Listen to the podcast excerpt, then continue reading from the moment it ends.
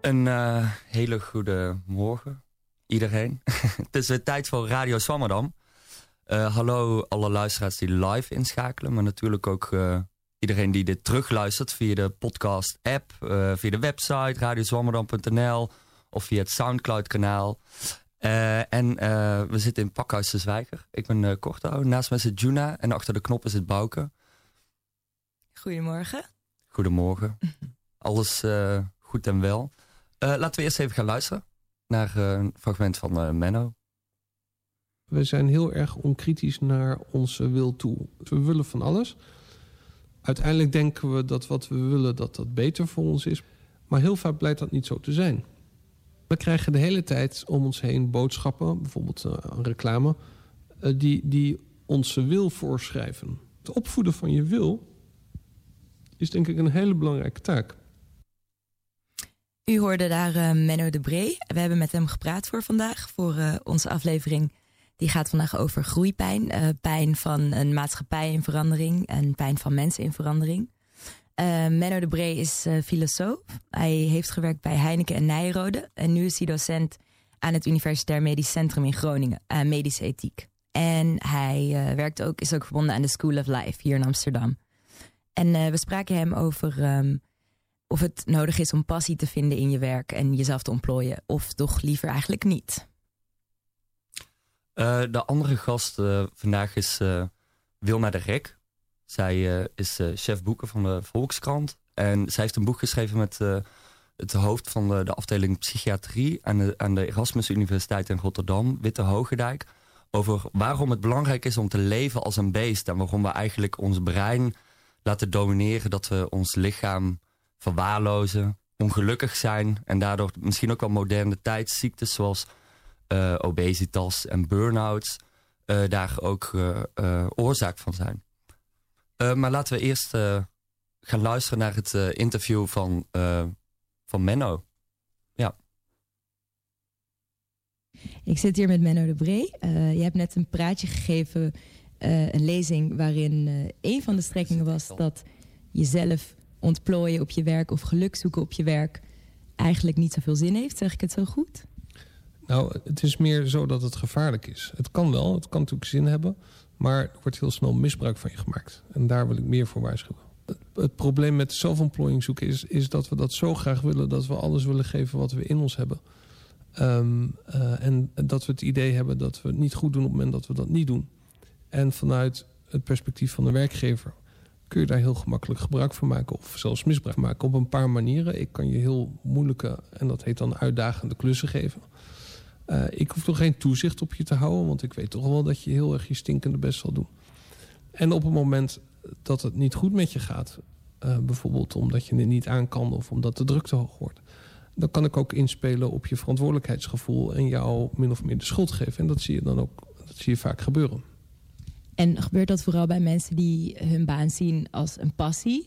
Um, als iets waarmee zij zichzelf dus ja, uh, vormen? Kijk, het punt is op het moment dat je vindt dat je baan je passie is... dan, dan word je heel erg kwetsbaar. Want het punt is, het wordt dan heel lastig om voor jezelf toe te geven... dat je bijvoorbeeld eh, dan geen andere passies hebt. Dus het idee is van als dit mijn passie is en dit is wat ik moet doen... dan zet je daar al je kaarten op. En dan wordt het heel lastig psychologisch gezien... om als het dan fout gaat om dat dan te accepteren en bij te sturen. Dus dat is, dat is een probleem. Je wordt er heel erg kwetsbaar van. Je gebruikte net de, de metafoor van een uh, Lego-mannetje in de toespraak. Um, is het een probleem dat we onszelf willen opbouwen... als, als stukjes Lego willen vormen tot een, uh, een heel persoon? Uh, nee, we kunnen niet anders. Dus het is niet een kritiek, maar we moeten dit doen. We moeten dit doen. Wat het probleem is, is dat we daar zo overspannen mee omgaan... Um, um, uh, dat de kosten van het falen veel te hoog worden. Dus op het moment dat je faalt, kom je in een crisis terecht. En mensen bijvoorbeeld die nu thuis zitten met een burn-out... die hebben ook een, een, een, niet alleen een economisch probleem of een sociaal probleem... maar die zijn echt depressief. Dus die hebben ook een existentieel probleem. Die voelen zich mislukt. Uh, en daarbij komt nog... Uh, dat zij vinden dat zij daar zelf ook nog schuldig aan zijn. Dus het is, het is, het is, mensen zitten dus dubbel in de knel. Aan de ene kant zitten ze in een situatie die ze niet willen... omdat ze tussen aanleidingstekens mislukt zijn. Aan de andere kant vinden ze ook nog dat ze daar verantwoordelijk voor zijn. En, daar, en dan krijg je dus ook nog allemaal schuldgevoel van.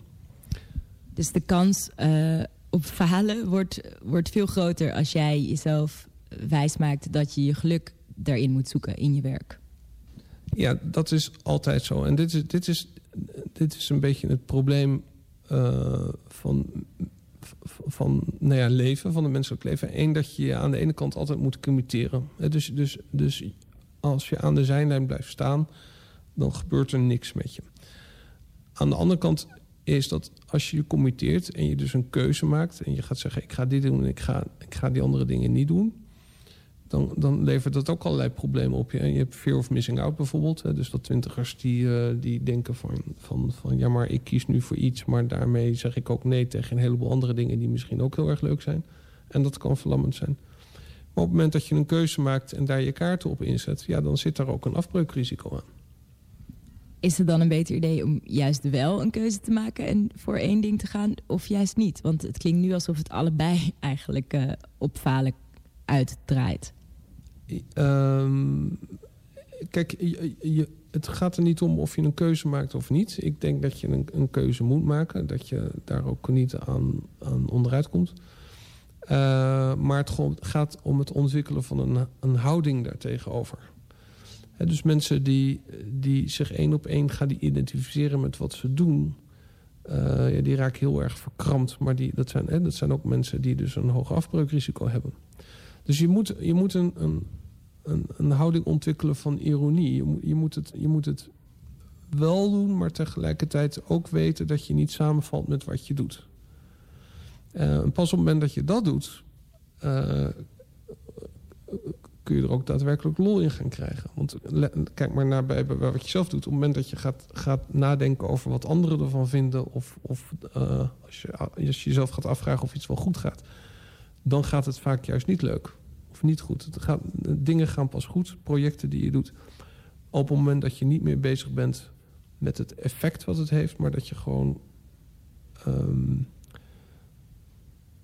voldoening vindt in de activiteit zelf. Los van um, wat die activiteit oplevert. En maakt het daarbij dan uit... Uh, moet je dan wel zoeken naar een baan die helemaal bij jou past? Of moet je gewoon iets gaan doen um, en daarin dan plezier vinden omdat je er beter in wordt en omdat je dat onder de, onder de knie krijgt? Um,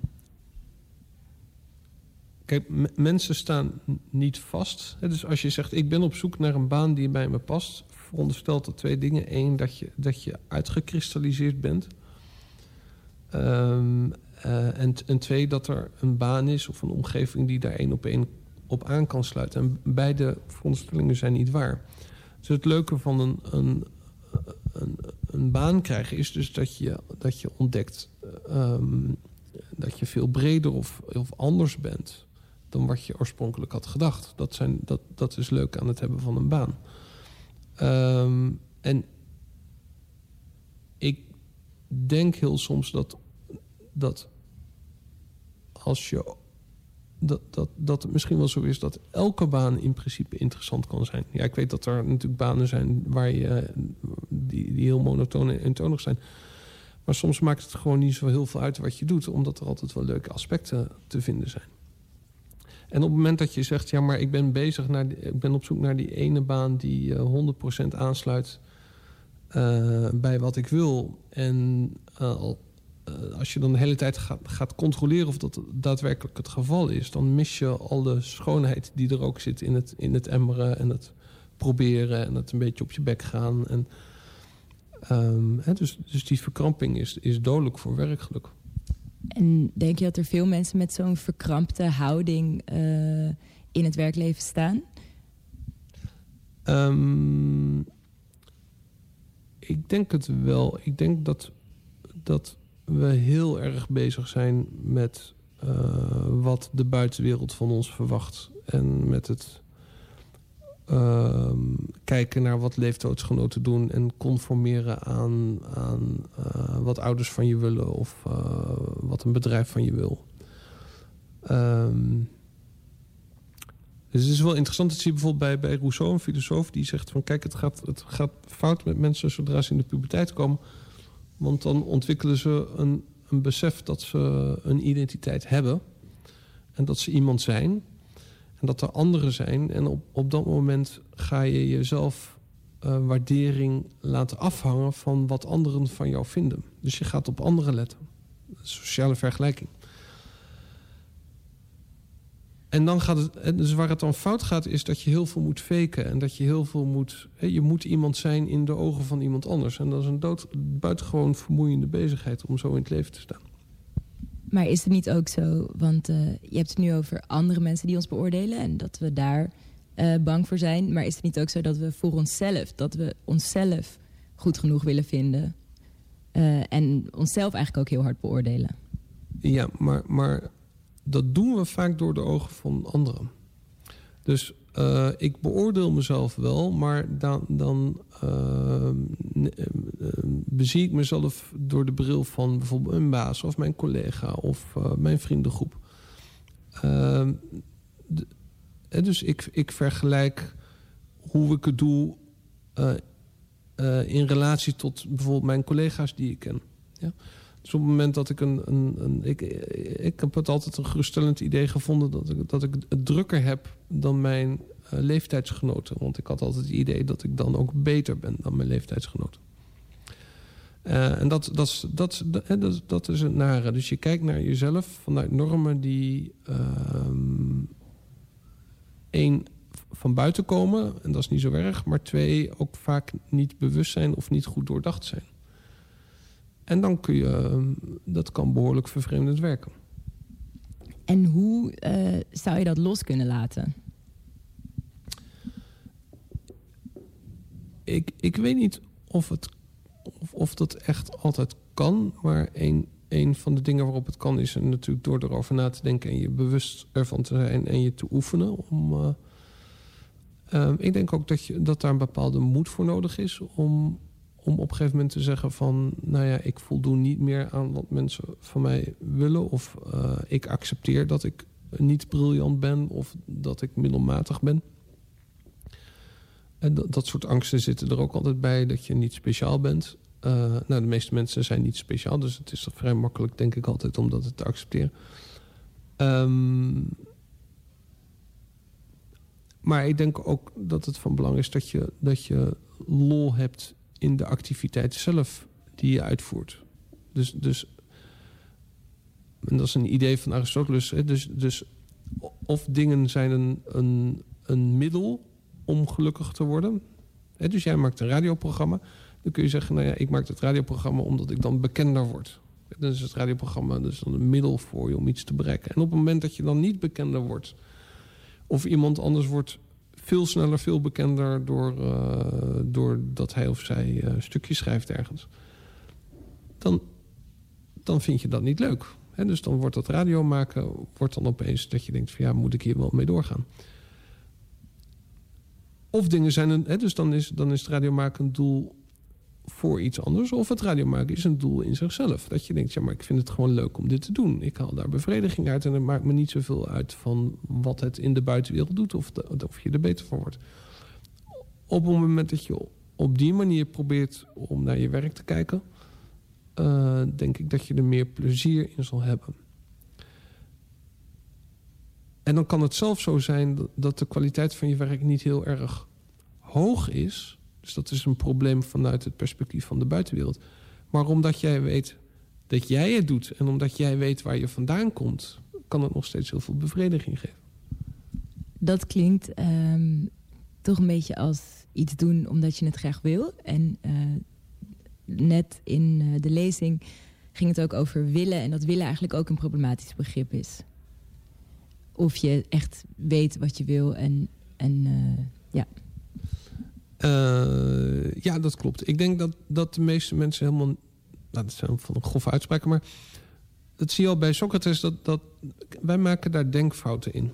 Dus, dus we zijn heel erg onkritisch naar onze wil toe. Uh, dus wat ik bedoel is, we willen van alles.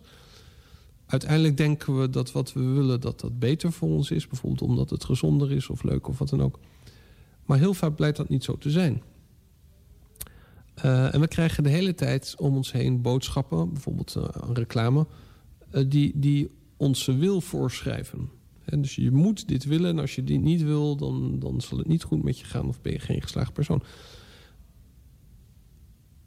Dus het opvoeden van je wil is denk ik een hele belangrijke taak. En de grap is, dat, dat vergeten we steeds meer. Dus wij we zeggen nu niet van... Uh, denk na over wat je wil. Maar wij zeggen, nee, doe wat je wil. En dus wij nemen nu de wil als uitgangspunt. Uh, in plaats van de vorming van de wil. En um, nou, dat is een vrij traditioneel standpunt wat ik nu inneem. Maar ja, dat is volgens mij wat opvoeden is en wat volwassen worden is. Ja, ik heb ook zelf heel vaak het gevoel dat er uh, een heel groot verschil is tussen willen en willen. Uh, in de zin, soms weet je dat je iets in het grotere geheel wil... en dan moet je jezelf daarheen schoppen terwijl je het op korte termijn niet wil. Um, is dat ook het probleem met, met tegen jezelf zeggen dat je moet doen wat je wil? Dat het de korte termijn is? Ja, je moet onderscheid maken tussen uh, willen, verlangen, um, uh, uh, wensen. Dus dat zijn allemaal... Maar het, het, het idee, en dat is al een idee wat bij Aristoteles vandaan komt... is dat een mensenleven, dat heeft een bepaalde structuur. Het heeft een bepaald, bepaald plan. Het heeft ook een bepaald einddoel. Um, dus dat zie je ook als het niet goed met je gaat... of het is een periode dat niet goed met je gaat... en je kijkt terug op die periode... is het vaak zo dat de dingen die je deed... geen verband met elkaar hielden. Of het is soms heel erg leuk om te ontdekken dat je... Dus ik heb bijvoorbeeld een periode in mijn leven gehad... dat ik dacht van, goh, ik doe allemaal dingen... maar wat, wat is daar nou precies het verband tussen? En op het moment dat, je, dat ik uh, erachter kwam wat het verband was... Uh, dus als je snapt opeens wat de samenhang... of de integriteit van je leven is uh, kreeg het allemaal opeens veel meer betekenis. Maar ook dit is dus weer dat je, dat je moet nadenken over, over wat, je, ja, wat je wil, waarom je dat wil en hoe dat zich tot elkaar verhoudt. Je zei net dat uh, de kans dat je gelukkig wordt eigenlijk best wel klein is. Dus dat dat niet iets is waar je, waar je voor moet gaan. En dat uh, alle dingen samenvallen, dat klinkt toch best wel als een staat van geluk.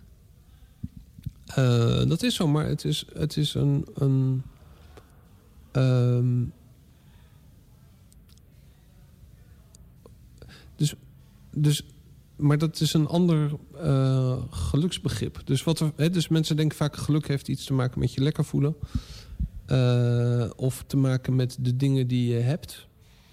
Um, en ik, ik ben altijd een groot fan van Aristoteles... Die, die, die het idee heeft dat je in vorm moet zijn... Uh, dus dat is veel meer een kwaliteit van, jou, van jouw persoonlijkheid of van jouw karakter... dan van de spullen die je thuis hebt staan of de activiteiten die je doet. Je kunt ook in vorm zijn uh, in een hele bescheiden omgeving. Um, maar het is heel erg moeilijk om in vorm te zijn. Het is ook heel erg moeilijk om in vorm te komen. En het is ook heel erg moeilijk om, om, om in vorm te blijven. Um, en, en daarnaast, en dat is stap twee, is het idee dat je daar verantwoordelijk voor bent. En wat je ook vaak ziet, is dat mensen die verantwoordelijkheid eigenlijk helemaal niet willen. Dus het is niet alleen moeilijk om zo'n structuur in je leven te krijgen... maar het is ook iets waarvan veel mensen eigenlijk liever niet willen... dat ze die verantwoordelijkheid hebben en die graag die verantwoordelijkheid toch afschuiven. Dus we hebben aan de ene kant het gevoel dat we heel erg verantwoordelijk zijn voor ons eigen geluk... maar aan de andere kant willen we niet de verantwoordelijkheid nemen om onszelf uh, te onderhouden. In vorm te brengen. Ja, het, het, is iets dubbels. Dit is een, een gedachte die, bij, die ontwikkeld is door Sartre. Dus het idee dat we radicaal vrij zijn. Dus wij bepalen onszelf. We worden niet door... En, en dat moeten we ook doen volgens hem. Uh, want alleen de dingen worden bepaald door wat we zijn. Mensen niet. Hè? Dus wij, kunnen Um, ik kan altijd zeggen, ja, maar ik ben een Nederlander, maar niet op die manier. Of ik ben een filosoof, maar anders dan die andere filosoof. Hè? Dus, dus ik, ik ben geen ding. Uh, ik bepaal mezelf.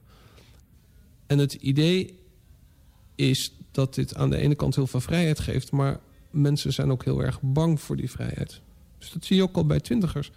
Die moeten kiezen. En op het moment dat je kiest, eh, dan, dan ehm, op een oppervlakkig niveau kies je dan voor je tijdsinvulling. Dus ik ga nu een relatie aan met die persoon en daarmee niet met iemand anders. Of ik ga nu naar die film en niet naar die andere films. Maar daaronder zit een niveau waarin je je definieert door die keuzes. En dat schrikt veel mensen af. Op het moment dat je zegt, ja, maar ik ga met die persoon een relatie beginnen... of ik ga in die stad wonen of ik ga die studie doen... Uh, dan beken je kleur. En dat betekent ook dat je heel veel dingen niet kan doen. En dat schrikt af. Dus proberen veel mensen om die reden om dan maar gewoon alles tegelijk te doen... en altijd niet gedefinieerd te blijven? Ja, met, met, het gevolg, met als gevolg dat ze niet bestaan. dus dat is de grap. Dus, dus dat, is, dat, is, dat, is de, dat is het probleem. Je, je kunt niet langs de zijlijn blijven staan... want dan ben je een man zonder eigenschappen. Ja, dus je, je moet je committeren... Uh, maar het probleem is tegelijkertijd dat op het moment dat je je committeert... nou ja, fear of missing out... Dan, dan hebben mensen vaak het idee van... ja, maar dan ben ik dus niet iets anders. En die wegen die ook voor me open liggen, die, die sla ik af. Die snij ik dan af. Alleen het punt is, je wordt pas iemand in het project wat je doet. Dus de vraag is helemaal niet van... ga ik naar links of naar rechts met mijn leven? Maar je moet ergens naartoe gaan. Want als je niet ergens naartoe gaat...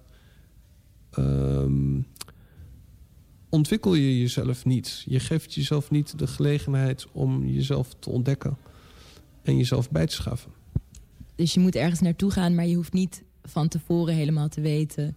dat dat jouw passie is, dat dat perfect bij jou past. Dat, dat ontdek je gaandeweg. Uh, ik vind het niet zo belangrijk. Je, je moet er lol in hebben. Uh, maar ik, ik vind dat je, dat je jezelf te centraal zet en te serieus neemt. Um, dat, je, ja, dat je jezelf te serieus neemt op het moment dat je zegt... ik doe dit, want dit is mijn passie. Nee, je doet het omdat je vindt dat het waardevol is. Dat is het juiste antwoord. mensen kunnen passie ontlenen aan volstrekt ridicule eh, projecten. mensen kunnen de meest stomme dingen heel erg belangrijk vinden.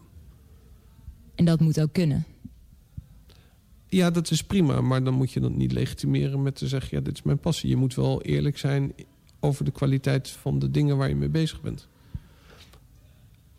Ik bedoel, als je je leven invulling wil geven met de hele tijd bier drinken en op de bank zitten, dan, dan moet dat kunnen hè, vanuit een liberaal perspectief op het moment dat je anderen er niet bij schaadt. Maar het is wel zonde omdat je. Om, omdat de, de mogelijkheden die dat leven biedt om jezelf um, uit te testen en jezelf in de waagschaal te stellen, uh, ja, die zijn bijzonder beperkt. Dus het is een saai leven. Is het heel erg iets uh, van twintigers van nu? Want ik hoorde je een paar keer twintigers zeggen. Uh, dat je op zoek bent naar een passie en dat je daarmee alles wilt legitimeren? Uh, ja, waarschijnlijk wel. Het woord passie wordt voor, voornamelijk door witte mannen van in de 50 gebruikt, is mijn idee. Maar het punt is, je kunt geen passie zoeken. Um, het, is niet iets wat, wat je op een gegeven moment tegenkomt. Het is iets, dat is eigenlijk het punt misschien wel wat ik wil maken. Het is iets waar je pas achter komt op een moment dat je je al gecommitteerd hebt. Dus, dus, dus op het moment dat je langs de zijlijn blijft staan te wachten op... wauw, nu komt die baan of die relatie met die passie... gebeurt het juist niet. Het gebeurt juist in de handeling zelf. Um, dus de, de, de, de volgorde is verkeerd. Je moet je, je, je moet je niet eerst wachten totdat eh, de juiste gelegenheid langskomt... en dan je passie vinden. Nee, het is zo dat je eerst moet committeren. Uh, en dan pas kun je de omstandigheden creëren waarin je uh, nou ja, tot bloei komt. En dat idee van passie loslaten en ehm, niet zo hard op zoek gaan naar zelfontplooiing in je werk. Hoe doe je dat? Heb je daar tips voor? Nou, eh, kijk, dus het, eh, eh, het probleem is dat mensen altijd de hele tijd beelden hebben van wat ze willen bereiken. En er zijn twee grote problemen. Het eerste, daarmee, het eerste probleem is dat op een moment dat je gefocust bent op je doelen... ben je teleurgesteld op het moment dat je die doelen niet bereikt. Terwijl je misschien heel veel belangrijke dingen hebt bereikt onderweg, maar dan heb je toch het idee dat je gefaald bent.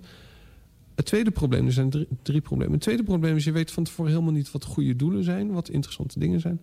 En het derde probleem, op het moment dat je al te doelgericht bent, zie je niet wat er om je heen gebeurt. Dus je mist heel veel van de lol. Dus je kunt veel beter een, een open houden creëren waarin je, uh, waarin je vertrouwen hebt, een soort van basisvertrouwen in jezelf hebt. Ik, ik denk ook dat het daarom is dat optimisten vaak wat verbeten mensen zijn. Dus dat is een beetje het idee. Pessimisten zijn vaak veel... Ze schrijven in ieder geval beter... maar ze hebben ook een, een, een vrolijker, meer ironisch karakter. Dus wat zou uh, ter afsluiting je advies zijn aan al die, die twintigers... die proberen het te maken in de creatieve sector... of iets anders inspirerends? Dus ik denk dat de mensen die het maken... zijn de mensen die niet te kritisch zijn... wel oog hebben voor kwaliteit... en speels met zichzelf omgaan. Dankjewel. Dat was uh, Menno de Bree. Um, laten we overgaan naar onze column. Uh, die wordt deze week uh, door Machiel Keestra verzorgd. Hij woont in het Amerikaanse Pittsburgh... dat vorige week zaterdag opgeschrikt werd door een aanslag op een synagoge. En daarbij kwamen elf mensen om het leven. Machiel probeerde de heersende gevoelens van afschuw en ontreddering op papier te zetten... en schreef daar deze column over. Een Swammerdam-uitzending met verschillende perspectieven op vooruitgang? Wel nu, ik ga u een wat onverwachte blik bieden. Daarvoor neem ik u mee naar mijn huidige woonplaats, Pittsburgh, Pennsylvania. U weet wel, die stad waarin een week geleden, op zaterdag 27 oktober... een Amerikaanse witte man met vier wapens elf mensen doodschoot... in de Boom des Levens synagoge. Dat gebeurde in de buurt Squirrel Hill, waar ik sinds september woon... nu ik een semester als fellow aangesteld ben... bij het Center for Philosophy of Science aan de Universiteit van Pittsburgh. Die zwaar getroffen synagoge staat in een straat waar ik regelmatig doorheen jog... en winkels bezoek en op een paar afstand, blokken afstand van de andere synagoge die ik wel bezocht heb... Squirrel Hill is namelijk een zeer diverse buurt... met een relatief grote populatie Joden. Een koosere supermarkt en koosere restaurants... een Joods cultureel centrum en museum en zo meer. Anders dan bij ons in Amsterdam of Europa, meer in het algemeen... worden hier in de VS synagogen en andere Joodse instellingen niet speciaal bewaakt... omdat er veel minder sprake is van antisemitische dreiging. Vooral ook minder uit de radicaal-islamistische hoek. Sinds de jaren 50 zijn er volgens Wikipedia zo'n 20 antisemitische aanslagen in de VS gepleegd... met dodelijke afloop voor in totaal zo'n 20 personen... waarvan 11 alleen vorige week al in Pittsburgh. De meeste van die aanslagen werden door Amerikaanse mannen... uit de white nationalist of rechtsextremistische hoek gepleegd... en slechts enkele door islamisten. Daags na de aanslag liepen mijn vrouw en ik met zo'n 2000 anderen mee... in een vrijwel zwijgzame herdenkingsmars door Squirrel Hill... die eigenlijk ongewild ook veranderde in een protestmars tegen president Trump. Immers, de overtuiging van velen, inclusief die van ons... is dat diens anti-immigratiepolitiek, diens xenofobie... diens nationalistische en racistische uitspraken... en zijn soms onverhuld gewelddadige retoriek bijdragen aan een context... die sommigen ertoe brengt om de daad bij het racistische of xenofobe woord te voegen. Voor de Joodse inwoners van dit grote immigratieland waarvan de zegelspreuk uh, e pluribus unum luidt, oftewel uit velen één, heeft dit de afgelopen jaren al voor toenemende ongerustheid gezorgd, die nu dus bewaarheid is.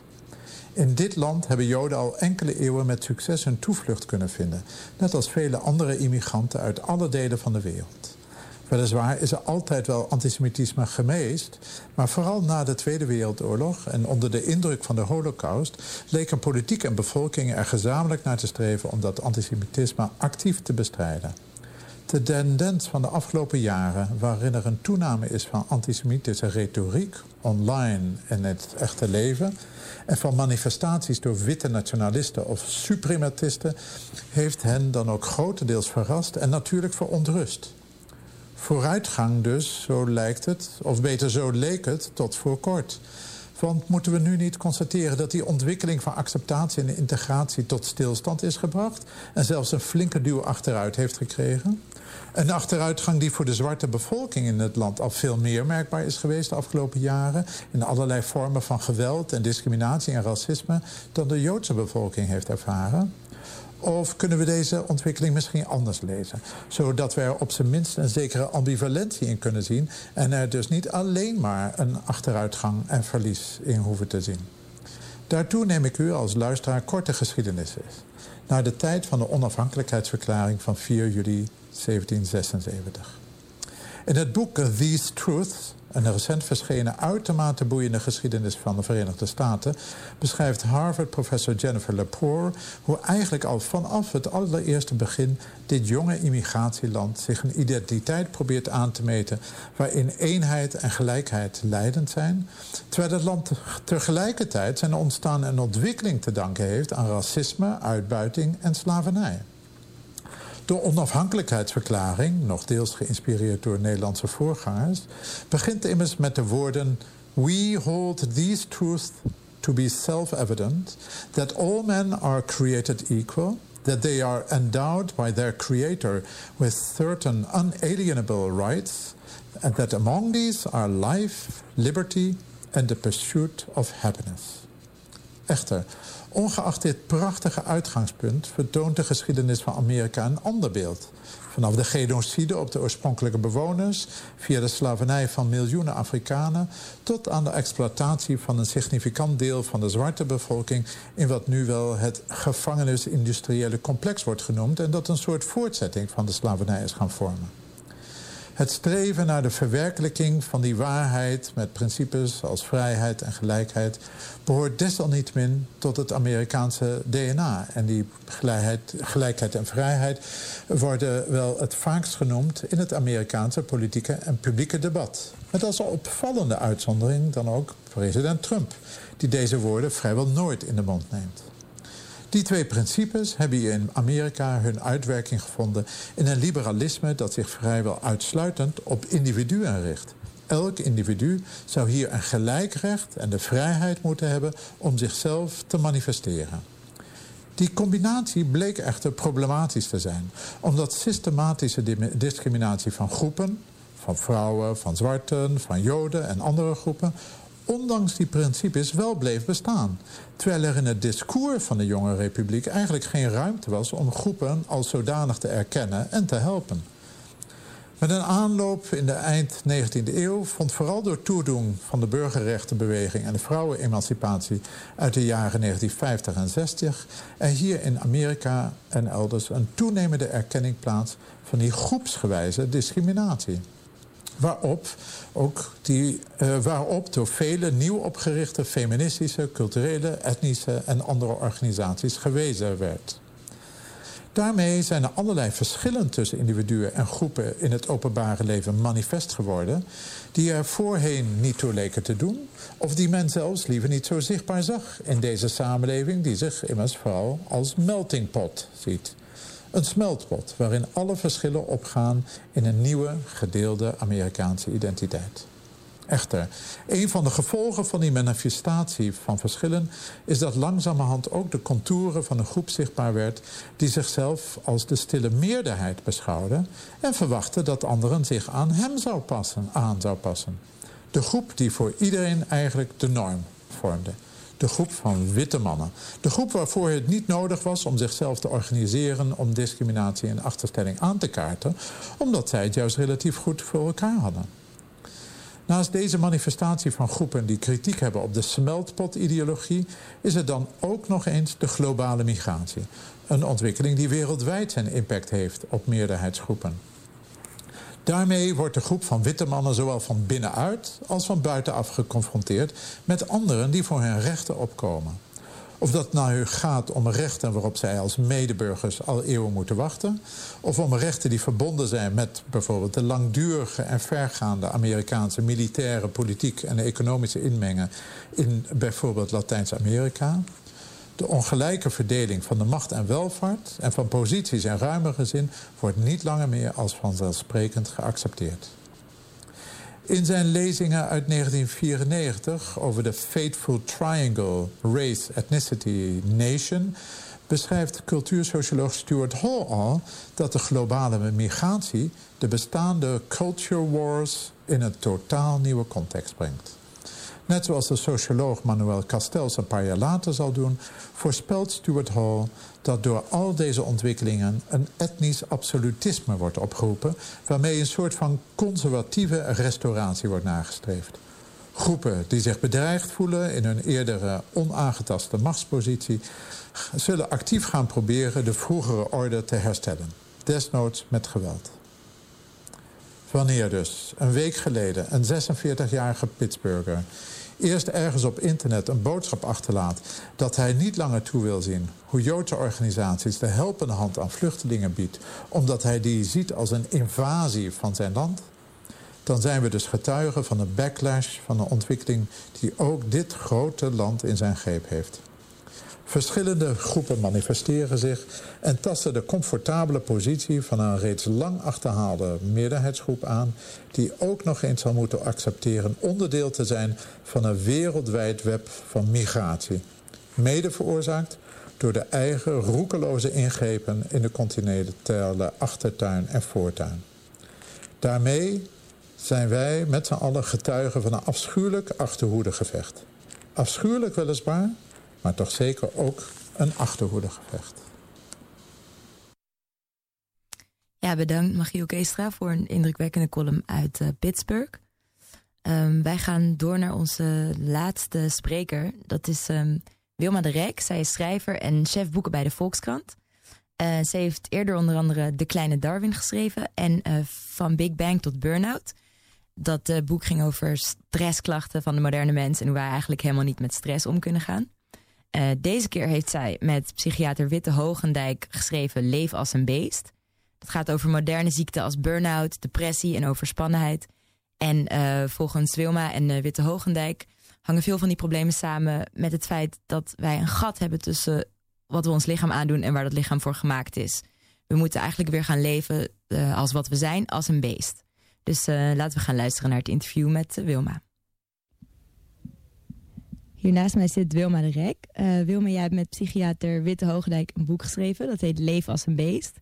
En het gaat over um, allerlei ziektes die meekomen met onze moderne tijd. Zoals uh, obesitas, burn-out, diabetes. En uh, volgens jullie is dat verbonden met het feit dat wij ons niet meer realiseren... dat wij eigenlijk een dier zijn. Um, wanneer zijn we dat vergeten? Nou, dan moet je heel ver terug. Dat is waarschijnlijk al 10, 12.000 jaar geleden begonnen. Met de agrarische revolutie. Um, vanaf het moment dat mensen zich zijn gaan vestigen op vaste plekken en in dorpen en in steden gingen wonen. Zo heel langzaam aan heeft de onnatuurlijkheid zijn intrede gedaan in de manier waarop we leven. En, uh, maar goed, als je echt wil kijken wanneer het probleem eh, zich heeft voorgedaan, dan is het natuurlijk waarschijnlijk wat korter geleden begonnen. De industriële revolutie is, is een ingrijpende periode geweest. En de digitale revolutie, waar wij nu middenin zitten, knalt daar nog een keertje overheen. Je kunt nooit echt heel erg goed van die vaste momenten aanwijzen, want het is altijd een geleidelijk proces. Dus als je begint bij 10, 12.000 jaar geleden, is het natuurlijk wel heel erg lang terug, maar toch moet je daar wel beginnen met, uh, met het hele veranderingsproces. En intussen zijn wij dus uh, heel ver verwijderd geraakt van het dierlijke. We zitten hier op de redactie van de Volkskrant. iedereen zit hier om ons heen op zijn computers te tikken. Um, als we nog zouden willen leven als een dier, is dat dan wel te combineren met zoiets als een kantoorbaan? Ja, dat denk ik wel. Want wat wij in ons boek uitleggen is uh, hoe wij zijn ontstaan. Hoe we, want dat, dat dier is een beetje een vorm die we hebben gekozen. Een voorbeeld omdat iedereen het dan snapt. Hè? Uh, uh, we schrijven ook als je een, een, een, hertje uit een bos meeneemt... en je zet hem thuis op de bank of op een kantoor waar het warm is... en je geeft hem allerlei pringels en alle andere dingen te eten... dan is niemand verbaasd dat hij na een aantal maanden ziek wordt en dik wordt en depressief wordt. En bij onszelf zijn we daar wel verbaasd over. Maar goed, wij zitten in deze situatie opgesloten. Wij hebben onszelf gekooid. En als je dat wil veranderen, dan moet je je, uh, dan moet je, je daartoe zetten. Het punt dat we maken in ons boek is dat je die dingen niet vanzelf doet. Je gaat niet vanzelf gezond leven. Je gaat niet vanzelf leven als een dier. Wij bewegen niet uit onszelf. En we eten ook niet uit onszelf op precies de manier die het zou moeten. En dat heeft te maken met een paar systemen in ons lichaam die, zo, die net zo zijn ontstaan als die systemen bij dieren. Uh, dan heb je het over het stresssysteem en dan heb je het over het beloningssysteem.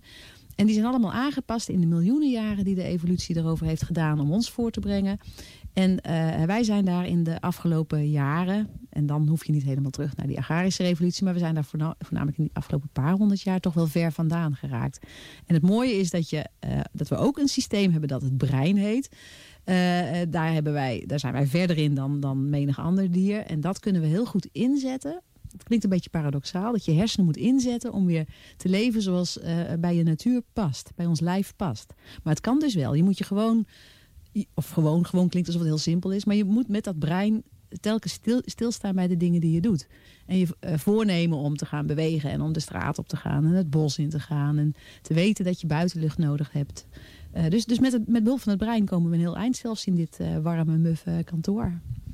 En dat beloningssysteem, moet ik me dat zo voorstellen? Bijvoorbeeld dat uh, als jij een harde dag hebt gehad en je denkt... oh, nou verdien ik een biertje of een ijsje... dat je dan op de verkeerde manier eigenlijk je beloningssysteem aan het inzetten bent? Ja, deels wel. Want het beloningssysteem uh, drijft op twee uh, dingen, genot en pijn. Het natuurlijke beloningssysteem stuurt alle organismen naar de dingen die goed voor ze zijn. Dan heeft het genot voor bedacht als beloning.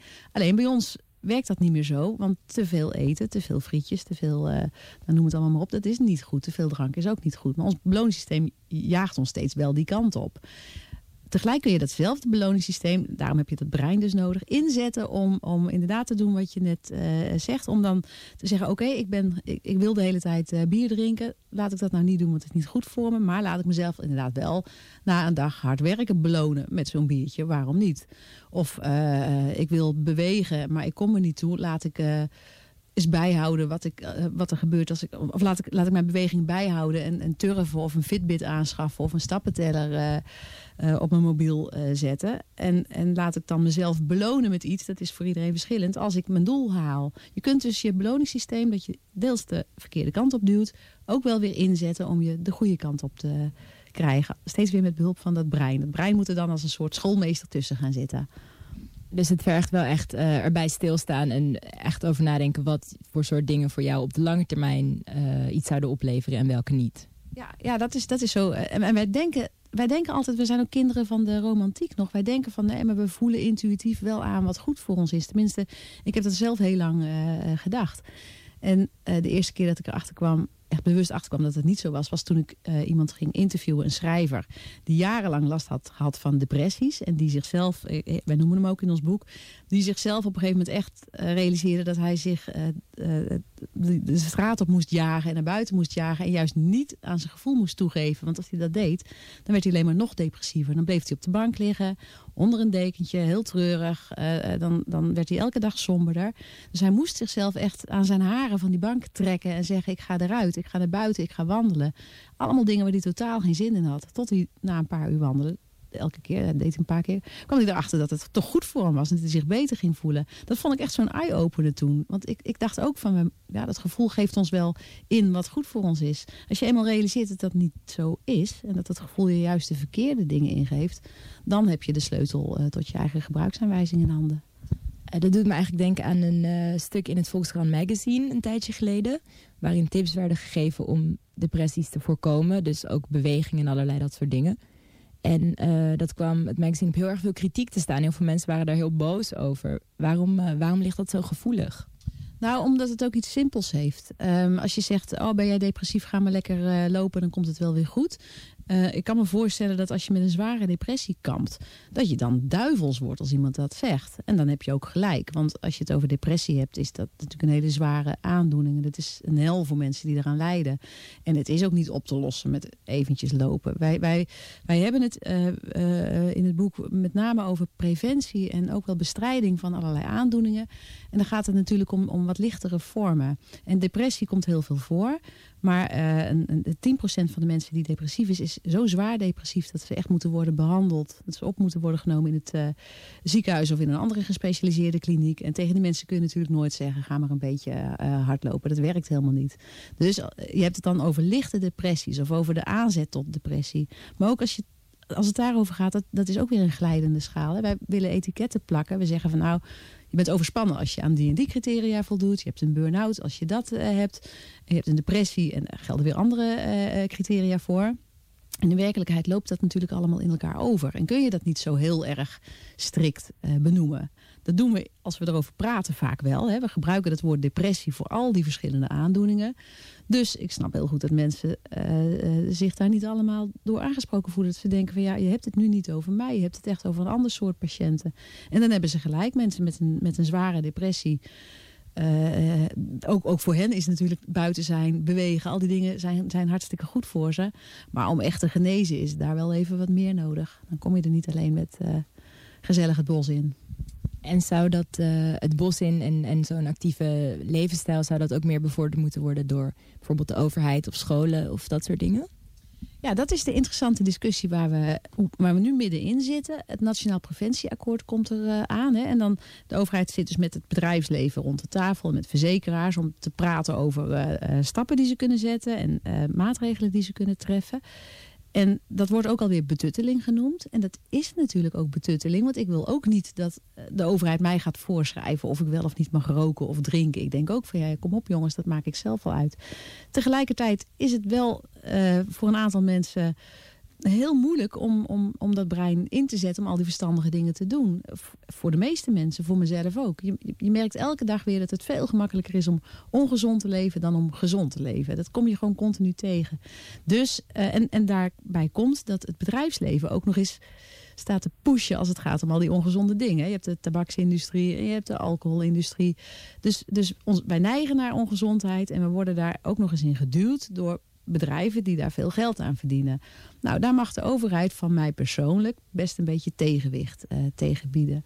Als je kijkt hoe het met roken is gegaan... Uh, uh, ik ben nog opgegroeid in een tijd waarin roken echt volkomen normaal was en overal mocht. En ik zat op de achterbank terwijl mijn vader voorin lekker zat te paffen. Ja, nou precies, jij ook. maar het, dat is allemaal zoveel minder normaal geworden nu. Ik rook trouwens nog steeds af en toe stiekem een sigaretje. Maar goed, stop ik ook elke keer weer mee. Maar ik, rook niet... Ik, probeer inderdaad wel natuurlijk zelf heel erg... alles wat ik heb opgeschreven in het boek in de praktijk te brengen. Dus dan zeg ik tegen mezelf... oké, oké, okay, twee sigaretjes per dag maximaal... en alleen maar als beloning voor iets. Nou ja, dat, dat, dat werkt wel goed. Volgende stap is natuurlijk gewoon helemaal stoppen met die onzin. Maar, maar dat werkt wel. Maar dus je, je, vroeg wat de overheid moest doen. De overheid moet wel wat doen, maar je moet je ook heel erg bewust zijn van wat je toch zelf kan doen. In de wetenschap dat je in een omgeving zit die ongezond voor ons is. En waaraan je als individu eigenlijk weinig kunt veranderen. Moet je je realiseren dat we weliswaar te maken hebben met een probleem van de hele soort. Van homo sapiens, van ons allemaal. maar dat je alleen maar jezelf hebt om, om kleine stapjes tot verbetering te zetten. En dan kom je eigenlijk wel een heel eind. En daarom hebben we het boek Leven als een beest uh, genoemd. Als je kijkt naar wat dieren doen op het gebied van slapen, ontspanning, eten, bewegen, plezier maken... dan kun je daar eigenlijk best lessen uit trekken. En dat doen we in het boek. Dan, uh, uh, dieren kunnen ook heel goed lummelen bijvoorbeeld. Die kunnen uitstekend een beetje zo in de regen staan en kont in de wind. En dan denken ze aan niks. Tenminste vermoeden we. Dus ze staan er maar gewoon een beetje te staan. Dat is iets wat wij helemaal niet meer kunnen. Wij, wij, wij pakken meteen die mobiel als we even in een trein zitten. Dan gaan we niet stom naar buiten zitten staren. Terwijl dat heel goed voor ons is. Maar dan gaan we gelijk weer iets lezen of iets bekijken. Of appjes sturen of, of Facebook of wat dan ook. Nou ja, dus, dus dat soort hele gewone lessen... Uh, die kunnen dieren ons wel degelijk leren. Om, om ons eigen innerlijke dier daar een beetje weer mee op de rails te krijgen. En heb ik nog één uh, laatste vraag. Als wij dat dus willen gaan toepassen en dus willen gaan leven als een beest. Uh, hoe zorgen we dan dat dat niet ook weer stress oplevert? Dat het weer stress oplevert dat je denkt dat je er niet goed genoeg mee bezig bent. Want we kunnen als mensen natuurlijk overal altijd weer over stressen als we iets beter proberen te doen.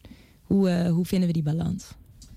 Ja, dan, uh, dat is inderdaad een ontzettend goede vraag. Want ik, heb, ik, had, ik noemde net die Fitbit. Dat kan ook weer een stressor van je welste zijn. Van, oh god, heb ik mijn 10.000 stappen wel gehaald. Maar daarom is een van de laatste tips in ons boek ook um, beleven als een beest. Probeer een beetje meer in het hier en nu te leven. Probeer een beetje relaxed naar de dingen te kijken. En, en, en te ontspannen op zijn tijd hoe je dat doet, het is voor iedereen verschillend. Maar dat zit toch ook wel heel erg in dat lummelen en in dat niks doen.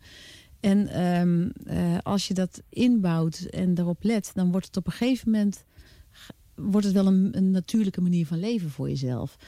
Dus het begint wel met jezelf eh, dwingen en misschien een beetje stress uh, daardoor juist krijgen van nee, maar ik moet echt zorgen dat ik één vaste dag per week niks doe of twee vaste dagen per week. Dat, dat kan ook stress opleveren. Ik ben zelf ook wel gewend om, om, om de dingen juist niet te plannen en te laten gaan. Dus ik zou het heel vervelend vinden als ik ineens van alles moest. Um, maar het kan je toch helpen. Het hangt een beetje vanaf wat voor persoon je bent. Hè? Als je iemand bent die die zijn dagen heel erg indeelt en, en, en, juist al gestrest is, ja, dan, dan, dan, moet, dan moet je iets anders gaan verzinnen. Dan moet je toch. Uh, uh, dan moet je de, de, tip van ontspannen als een beest uh, heel erg goed lezen en proberen om dat een beetje te verinnerlijken. op een gegeven moment worden dingen, patronen. Op een gegeven moment leer je, leer je toch wel jezelf. Je kunt gewoonten aanleren. Je kunt, dat, dat is wel de belangrijkste les. Dus aan het begin is dan even stressen. Uiteindelijk heb je het wel verinnerlijkt en wordt het, worden het goede gewoonten. Oké, dankjewel voor dit gesprek. Graag gedaan en uh, leef als een beest. yes, als een beest. Dat was uh, Wilma de Rek over leven als een beest. Uh, we hebben van filosoof Menno de Bree gehoord dat we wat minder krampachtig om moeten gaan met onze doelen en alles wat we willen bereiken en wat minder daarover moeten stressen. En Wilma de Rek zegt dat we iets meer moeten bewegen en iets meer ons beest vrij moeten laten. Korte, heb je het gevoel dat je dat wel doet? Je beest vrij laten af en toe? Uh, nou, nou, ik herken dus wel heel erg dat je zo... Als je werkt of als je de hele dag in een bibliotheek zit, bij wijze van spreken... dat je wel echt uh, gefrustreerd kan raken. Ook gefrustreerd uh, in, in je spieren bijna en in je vezels. Dat je het gevoel hebt dat je iets anders moet gaan doen en dat je naar buiten moet. Dat herken ik wel heel erg. Het leven als een beest. Ik weet niet per se of het um, in de gebiedende wijs zo van chill, uitroepteken. Weet al dat? Uh, of iedereen ontspannen nu. Weet al dat? dat uh, ik weet niet of het op die manier werkt. Maar ik denk wel dat het heel erg goed is om na te denken over um, waar bepaalde, hè, dus die moderne tijdsziektes, zoals Wilma het noemde, um, waar die vandaan komen. Ik denk dat dat dus wel heel vaak ook gewoon komt doordat je niet goed luistert naar, naar je eigen lijf en dus dat je zo nu dan gewoon even lekker uh, eruit moet. Zoiets. En dat je dat dan niet doet of niet inplant of zo. Maar wat, uh, wat doe jij dan uh, om... nou, ik voel me best wel vaak ook 100 jaar oud na zo'n kantoorweek. Met zitten mijn schouders vast en mijn nek en mijn hand en wat dan ook, mijn, mijn pols. Um, en ja, maar als je dan weer een yoga-klasje gaat inplannen of zo... dan voelt het alsof je weer nog meer dingen ingepland mm, hebt. Ja. Dus eigenlijk... ja, ik rijd paard, maar dat vind ik ook fijn. Maar uh, ik ga denk ik niet echt genoeg naar buiten. Dus misschien moeten we gewoon meteen na de uitzending een boswandeling gaan maken of zo. Ja, het is, uh, het, het, het, is inderdaad wel uh, heel lastig om zo niet, niet dan ook nog het ontspannen als een soort verplichting te gaan zien. Want dat, is, dat, dat merk ik dus wel heel erg. Van dat ik dan bijna chagrijnig word, heel zuur word van het niet naar buiten kunnen. Dus dat ik het gevoel heb nog meer opgesloten te zitten. En ik wil nu naar buiten, maar dat kan dan niet of zo. En dat, uh, dat is wel vervelend. Maar ik denk wel dat het uh, die iets meer ontspannen houding... en die uh, laissez-faire, zoals ze dat noemen, in mooi Nederlands... dat dat wel heel, dat dat wel een, een, goede levenshouding is. En daarom dacht ik ook laatst, want je refereerde ook al aan... ik weet niet of het hetzelfde artikel is... maar in Volkskrant Magazine over depressies en dat soort dingen. Dat... Um, toen stond er ook van dat stoïcisme, dat dat in is. Ja. En toen dacht ik ook van ja, maar dat is ook precies dus zo van de, de, de levensstijl van uh, wat meer uh, hobbel, bij wijze van spreken hobbels wegnemen en, en negatieve gevoelens wegnemen en een soort van matiging. En dat dat, dat natuurlijk in een tijd van complete digitale overkill ja. en um, dat het heel goed is om dus wat ontspannen te zijn. Maar ik vind het wel grappig dat dan dus eigenlijk dat het is of het een soort van modeding is. Niet, of het niet ook gewoon iets heel erg is van 2018, het jaar van dat iedereen wat minder prikkels. En de iPhone wordt geüpdate met een uh, uh, hoe heet dat, schermtijd-app en dat soort dingen. En dat het een beetje hip is om op die manier erover na te denken. Ja, maar ik denk ook dat dingen om een reden hip of mode worden. Ja. Omdat er dus gewoon een behoefte aan is. Ja. Toch? Ik bedoel, we hebben blijkbaar gewoon zoveel behoefte om eens te ontspannen, maar we weten niet echt hoe. Uh, tegenover, we stressen tegenover onze doelen en we bewegen niet genoeg en allerlei dat soort dingen. Um, ja, dat, blijkbaar is dat ook iets wat we echt heel erg nodig hebben. Ja, zeker. En volgens mij kan je best soms tegen jezelf zeggen van... Uh, bijvoorbeeld, ik zit nu in de bus en ik ga niet op mijn telefoon kijken. Ja, maar gewoon uit het raam of zo. Zeker, nee, zeker, zeker. Ja, het, uh, het heeft ook te maken met altijd het gevoel te hebben aan te moeten staan. Hè? Maar kijk, er komt aan alles komt een einde ook. Wordt heel subtiel. Nee, maar het, uh, kijk, het fijne is dat het, het is zondag. Het is bijna 12 uur en we mogen lekker deze studio zonder ramen kunnen we weer naar buiten. Ja, en dan, dan kunt u later vanmiddag zijn alle is de hele uitzending terug te luisteren. Deze week komt ook ergens nog de column apart ook nog online. Uh, Radioswammerdam.nl, daar uh, vind je alles terug. En anders ook via de podcast-app. En zelfs op Spotify, dames en heren. Op Spotify. Dus als je helemaal in die digitale tang zit, dan uh, zijn we overal te vinden. Dus vergeet ons niet te liken op Facebook, volg op Twitter en Instagram en dat soort dingen. En tuna, ja. Bedankt dat je de uitzending wilde maken met ons. En natuurlijk Bouke voor alle, alle technische, technische zorgen. technische, zorgen. met alle fragmentjes en previews. Heel erg fijn. En uh, nog een hele fijne zondag aan iedereen. En als je dit nou terugluistert komende week, gestrest op een fiets op weg naar je werk of naar de bibliotheek, dan denk eraan dat wij dit maakten op een mooie, mooie zondagmiddag. Ga terug naar dat moment. Lag. Ja, precies. terug in de tijd. Terug in de tijd. Een hele fijne middag nog. Fijne middag.